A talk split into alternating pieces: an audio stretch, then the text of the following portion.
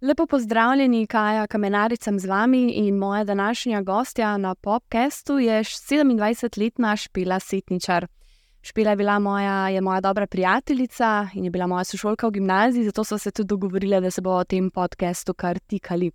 A, špela, da je se mi dve vrniti v približno eno leto nazaj. Kakšna je bila takrat Špela Setničar? Kdo je, Kdo je bila Špela Setničar?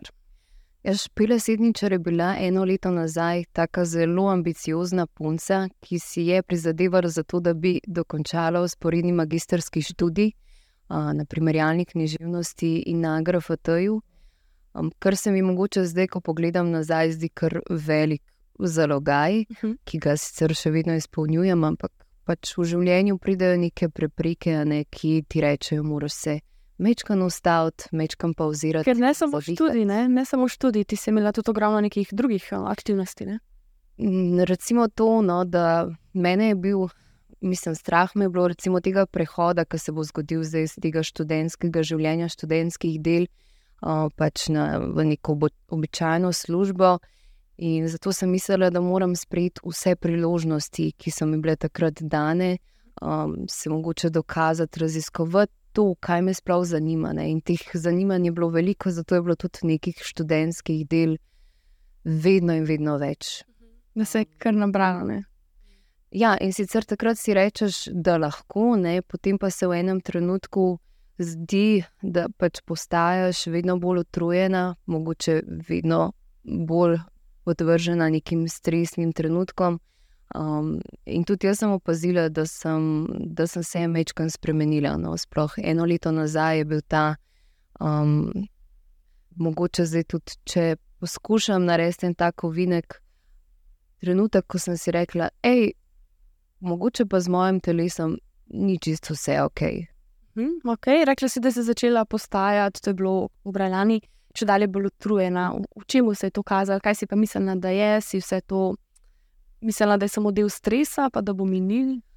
Jaz sem mislila, da je to povezano predvsem s stresom. Um, in veliko ljudi mi je tudi reklo, zato ker zdaj je duševno zdravje ena tako zelo pomembna zadeva. Ej, kaj pa če pač si samo izgorela, ne? kaj pa če si manj depresivna. Ampak meni je bilo vedno čudno to, kako, to, kako sem jaz lahko depresivna, če pa ne vem, jaz si želim delati stvari, mhm. pa nimam dovolj energije za njih. Sem preveč utrujena. Ne? Tako da v bistvu sem bila najprej utrujena, potem sem bila pa stave volje zaradi tega. Aha, ker nisi mogla izpolnjevati vseh teh stvari, ki si si jih zadala. Um, in potem si se odločila, da boš poiskala pomoč pri zdravniku. Tako je, jaz sem poiskala pomoč pri osebnem zdravniku. To je bilo mogoče že večkrat pred oktobrom in sem mu povedala, da sem utrujena, da sem slabe volje in tako naprej. In seveda se oba posumila na to, aha, da mogoče gre spet za neko um, duševno stisko, hm. da je si vzeti malo pauze, malo časa zase. Ne? Potem je pa to rotval iz tedna v teden slabše. In recimo, jaz sem imela neke obveznosti, sem prišla domov, šla spat se zbudila, nekaj naredila in ne vem, vedno manj je bilo v bistvu tega produktivnega časa in vedno več časa, ki sem ga porabila za to, da sem relaksirala svoje telo. In vse čas sem si govorila, jo je zdaj pa res, moram na ene take dolge počitnice. Mislim, da je to marsikomu komu znano, da se kar teramo, pa teramo. Hm. Ampak pri tebi so se pa potem začeli pojavljati še neki drugi znaki. Ne? Ja, to pa se je začelo potem po novem letu, uh -huh. uh, januarja, mogoče še bolj izrazito februarja. Spomnim se prav enega dneva, ko smo bili na smutku. In jaz vsakič, ko sem si zapinjala pancerje, sem ugotavljala, da me boli glava. In to je bilo, ko sem se recimo sklonila, je bil občutek, kot da mi vsa kri zastaja v glavi in pritiska pač na vem, različne različna področja na mojem obrazu. No, tako da ta tenzija je bila ne vem, nekaj, kar nikoli v življenju še nisem doživela. No. Tako da zatem sem pa v bistvu zbolela za nekim takim malce hujšim prehladom, ki kar in kar se ni izpel, in to je trajalo, ne vem, tam skoraj tri tedne. Um, da sem smrkala, tekla mi iz nosa, iz oči, noč ni pomagal. Tako da takrat sem potem spet obiskala osebnega zdravnika in mu tudi povedala, da se mi zdi, da mi oteka glava. Ne? Ker mhm. to je pač bil zopet nek čuden znak. Potem se seveda vprašaš, ali gre za neko alergijo. Pa se je to tudi na vzven videl? Prav, to se je prav videl na vzven. Ja. In jaz še vedno mislim, da je to pač um, neka stvar, ki je mogoče malce obstala na mojem obrazu. Ne? Um, sicer tudi zaradi medrola, ne medrol ti pač naredi tak lunin obraz, zdaj mogoče za tiste, ki ne veste, kaj je to. To je pač ena taka izredno, um, izredno močno protialergijsko zdravilo, ki se ga načeloma uporablja tudi um, za zmanjševanje raka, ne? ker rak se potem skrči um, in se malce skrije. Ne? Tako da tudi takrat, ko imam mislila, da zdaj pa mogoče imaš neko alergijo, mi je dala malo tega medrola, čistko, ker smo ga imeli slučajno doma in moj obraz je kar tako. Potegnil ga je nazaj ne, v neko normalno pozicijo. Zdaj si tudi že razkrila, v bistvu, kakšno diagnozo so ti potem dejansko postavili. Kako je, kako je to potem izgledalo? Ti si hodila k zdravniku, noč ni pomagal, potem si pa prosila za še več preiskav, ker te je začel tudi dušiti, ne? ko stiskal te tudi.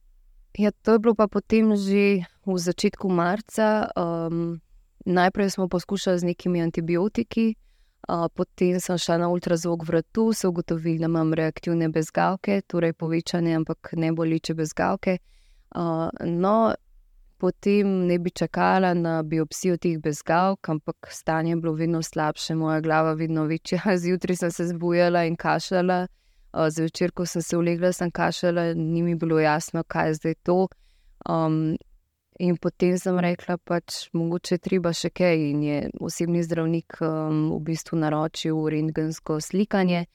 In takoj, ko je bila ta slika narejena, to je bilo petek uh, popovdne, um, sem že videla, da pač nekaj ne bo v redu. In v, podel, v ponedeljek zjutraj me res kliče, da moram nujno priti po uh, napotnico. In tu, kaj se. No, in potem sem šla, naredila so še več preiskav. Um, in tudi ostala tam, bila najprej hospitalizirana za tri tedne v kosu, potem se je pa začelo to potovanje okay. um, premagovanja raka. Kako pa so ti povedali diagnozo, ti si prišla tja, oni so rekli, neke dodatne teste še moramo narediti. Ja, to je bilo tako, da oni so mene pravzaprav slikali cel dan, um, ne vem, vozili gor dol, pojdi v to nadstropje, da imamo še ta CT. Ne, in v bistvu vedno po teh nekih novih um, rengenskih slikanjih sem se vračala nazaj v isto ambulanto, kjer je potem ta zdravnica, bil je tudi njen rojstni dan, in tisti dan bila vedno bolj zaskrbljena. Uh, in mislim, da je bilo to tam enkrat, mogoče ob štirih, petih popovdne, ker jaz sem bila že od jutra namreč tam, uh, da me je poklicala noter in mi je povedala, da ja, vi imate pa limfoma, veste kaj je to? In jaz sem rekla, nekaj se mi sanja, sam ne vem, dajte mi povedati, kaj več o tem. Um, ja, to je oblika raka. Ne? In pol, ko to slišiš, malo ti zadoni v glavi, tako se odmeva. Ampak um, zares se nisem uspela v tistem trenutku skužiti, kaj se dogaja. Sem rekla, mhm, aha, ja, v redu. Sploh še niso možgani sprocesirali, najbrž.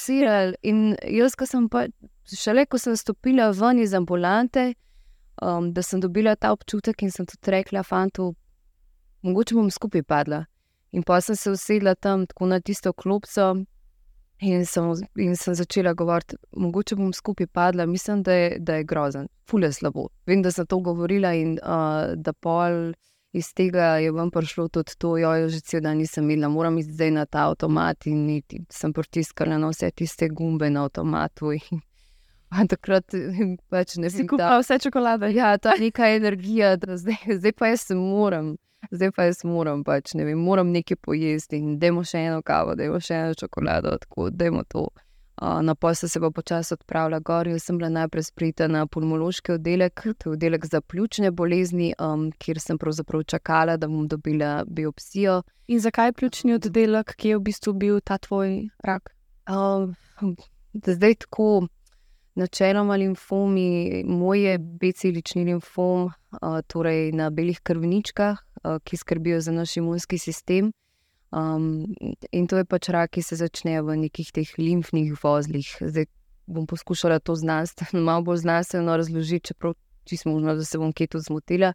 Tako da vprašanje, uh, zdaj pač, kje vse je bil. Jaz vem, recimo, da je bil v predelu okoli uh, prsnice, Torej, mečkani so šle tudi celice, so bile že kakšne rakave celice, tudi v pljučih, um, recimo po rokah, vratu, torej zgornji del telesa.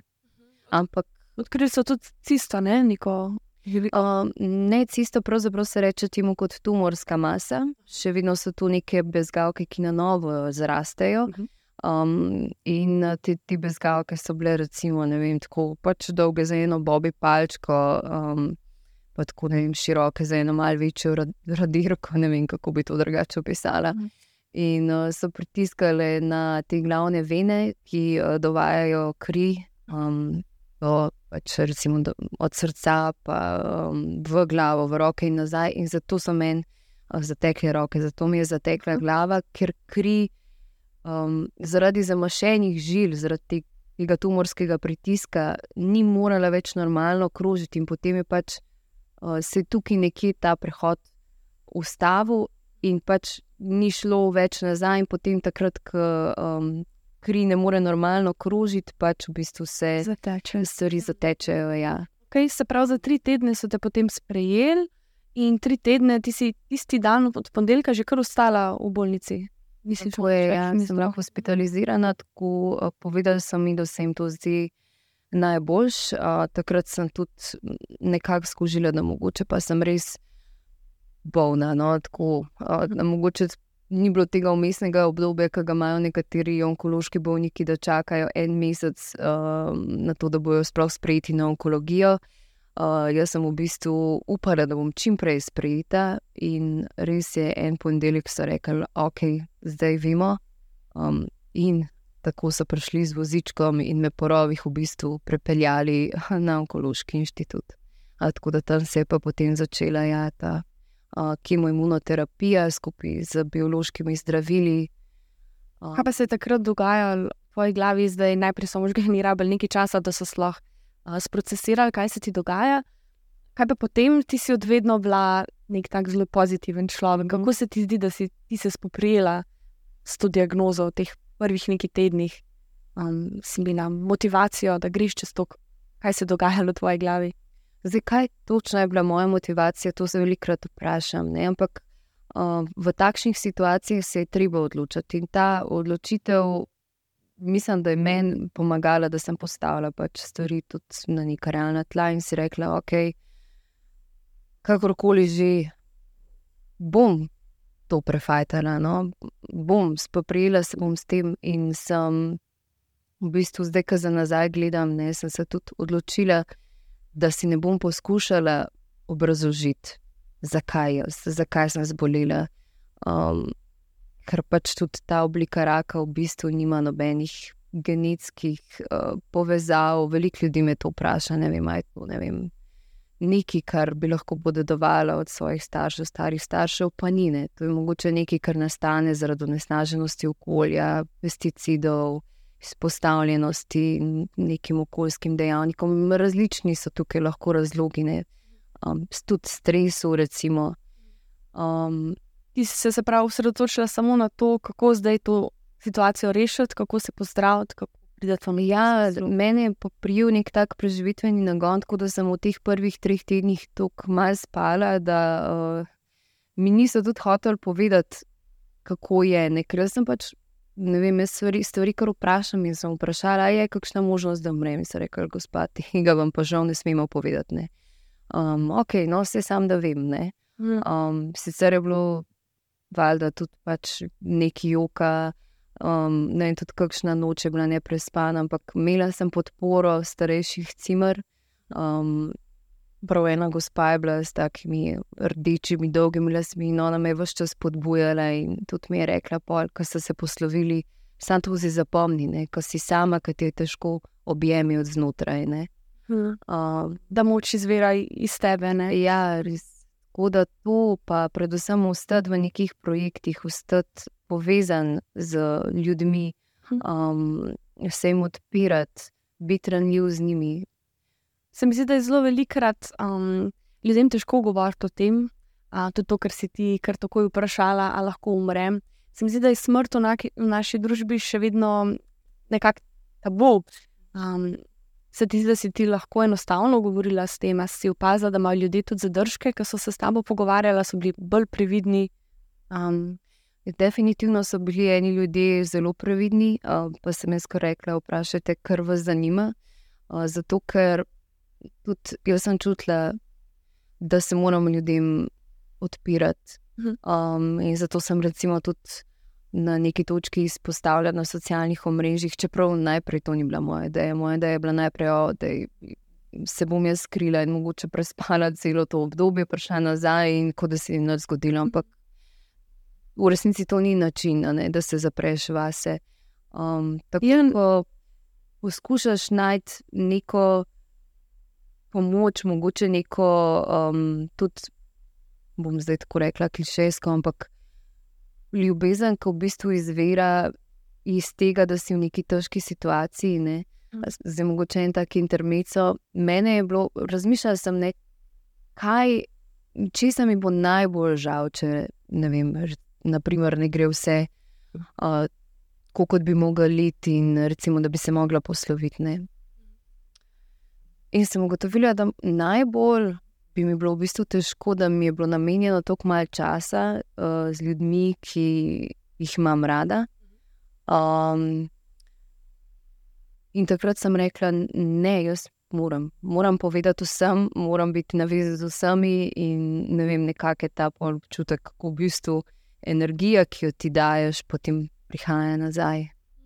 Tudi se mi zdi, da na začetku Zaradi kemoterapije so ti začeli izpadati lasje, mhm. izgubila uh -huh. si obrvi, trepalnice, tudi mislim, da. Uh mhm. -huh. Na začetku, vmes smo se tudi nekaj videli, si nosila lasulje, si si risala obrvi, trepalnice.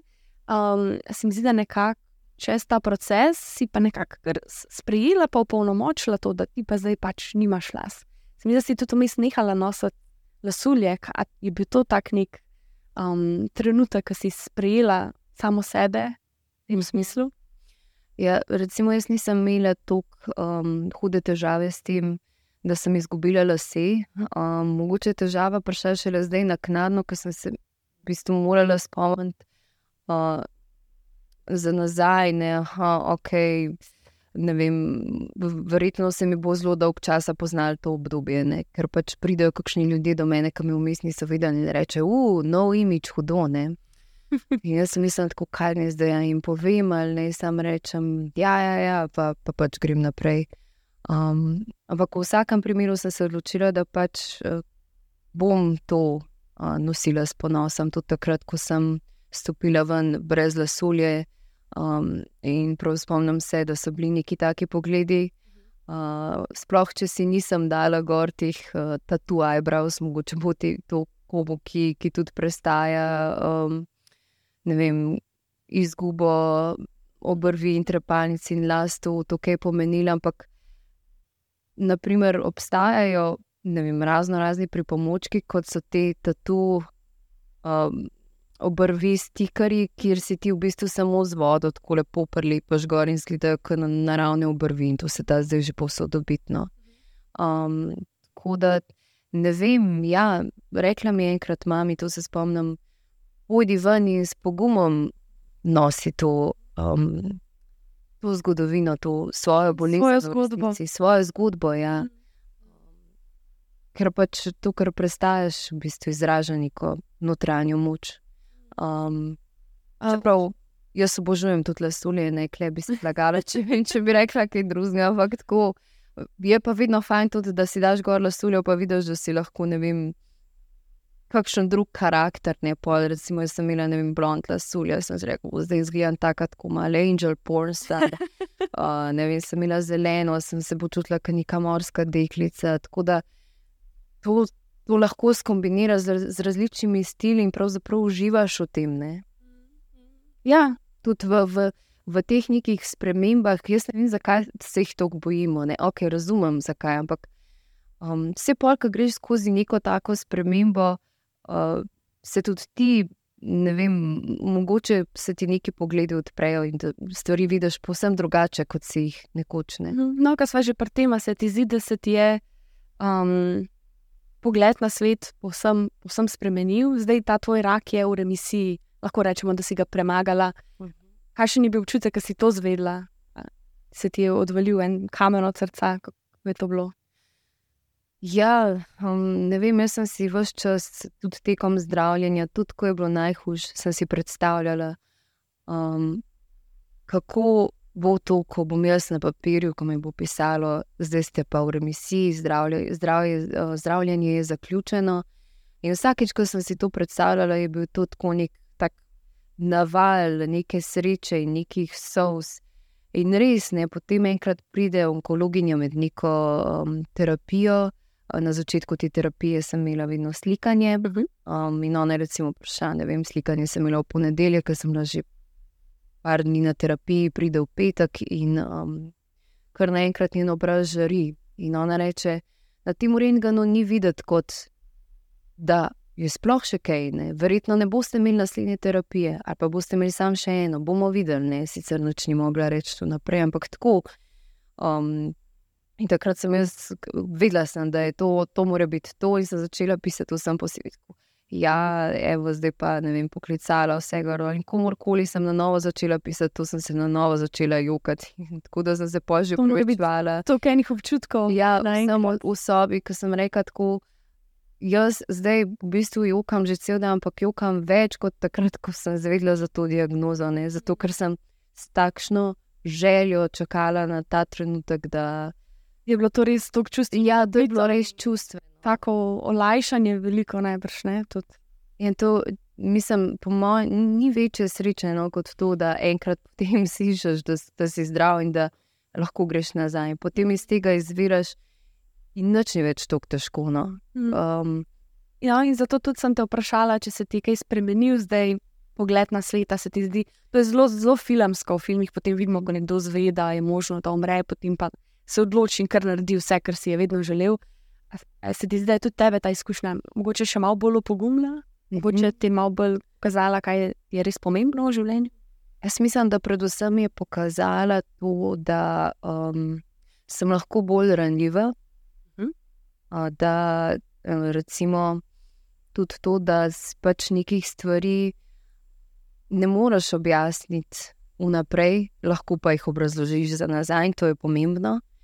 Um, pa mogoče tudi to, da v bistvu v najtežjih trenutkih ja, se najbolj korenito spremenjamo. Če se ti trenutki ne bi dogajali, če ne bi imeli nekih takih preizkušenj v življenju, mogoče bi bili vedno enaki, ne? in mogoče to tudi ni ta stvar, k kateri stremimo. Uh, je pa tako, ja, pogum, definitivno, um, mogoče pogled na življenje, pa ne zdaj v smislu tega, da bom zdaj ful zdravo živela. Pa to, ja, nujno, ne, tudi zdravo življenje. Uh, ampak v tem smislu zdravo, da Če meni danes pa še ležati cel dan, ležim cel dan, če mi pa še danes zvečer žurat, grem žurat. Vse telo ti načeloma vedno pove, kaj, kaj ti potrebuješ, ampak moraš se pač naučiti, da ga poslušaš.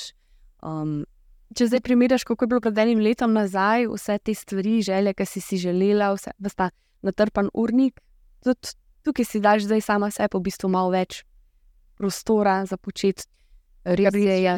ne, da moraš. Predvsem to, da se nekih stvari lotevaš žarom, in uh, če to čutiš, potem noč ni težko. Ne? Um, ne vem, da mogoče tudi rečeš stop nekim odnosom. To se mi zdi, da je bila kar neka taka čistka, že v začetku prestanja moje bolezni. Če sem imela občutek, da nekdo iz preteklosti um, prihaja k meni, ne vem, čist mogoče samo zaradi tega, ker se mu zdi, da je zdaj pa slabo vestne, ker je nekdo zbolel. Na... Sploh ni pomembno, pač ti lahko, ne vem, um, prideš in pomagaš, ampak pač nisi bil že prej vključen, ok, če si želiš biti sine. Ni, ni pa neke potrebe, pač se to. Mi smo fluidni, smo odnosi so fluidne, um, so fluidna um, stvar. V bistvu. Um, tako nekako, no, kaj, zdaj, kaj sem se v bistvu naučila, to, ja, da. Um, Gotoviti, kaj ti je res, gotovim, kaj ti je res pomembno. Ja. Predvsem to postaviti um, neke želje in cilje, mogoče na prvi plan, ampak ne pa to, da boš pač gajal vem, družbi, da boš ogajal nekomu, ki, ki ti v resnici ni tako pomemben. Ja, Komurkoli. recimo, komorkoli. Ja. A. Če bi zdaj strnil na to misel, mogoče v eno poved, nekaj, kar bi ljudem svetovala kot nekdo, ki je mogoče bil blizu neki taki izkušnji, ko bi lahko izgubil vse, kaj bi, kaj bi bil ta nek življenjski nasvet, da so kar neki stvari naštele, mogoče v enem stavku nasvet za ljudi, ko naj živijo. Hm, to je zanimivo vprašanje, ne? ker težko je to strniti v en stavek. Pa tudi jaz, mogoče ne bi rekla, kako, um, kako bi moral kdorkoli živeti. To je vedno neka star, ki moramo poiskati. Po- Popolnoma sami. Kot to potem nasvet, ne? M- Iščite, posku, poskušajte Poskušajte, različne stvari, ja. najdite se, no, v tem smislu. Um, in predvsem, ne vem, tako učke odpreti, gledati naprej. Ne vem, nek ta. Hm. Mogoče bi, bi si lahko tudi posodila neke besede um, iz knjige Telesa v temi, od Lenka, ki tudi v bistvu na koncu knjige napiše, ne, da se, se še kdaj boji. Ne, pač ta knjiga namreč govori o, o raku, o prestanju raka. Tudi, oziroma na začetku je tako, in potem sem dobil raka, ampak prej je bilo pa vse to drrrr. No, uh, in zapiše tako, um, da, ja, da včasih še vedno obstaja ta strah, ne, da se bo rak ponovil, ampak ne nujno uh, tam, kjer je bil najprej, ampak mogoče kje drugje. Um, ampak potem se moraš spomniti, da nisi več tisti človek, ki je takrat dobil raka. In to mislim, da je pomembno. Da veš, iz kje, iz kje štartaš. Ne? Pa da- Ja, V bistvu to, ne, kar smo že prej rekli, da ugotoviš, kaj ti je pomembno in, in s čarom gledaš. mogoče to živeti v trenutku. Živeti v trenutku. Evo. Um, en čudovit trik, s katerim bova pa tudi zaključili najmen pogovor. Najlepša hvala vsem, da ste bili z nami, upam, da ste se kaj lepega naučili in z žarom v očeh naprej v svet. Lepo se meni. Thank you.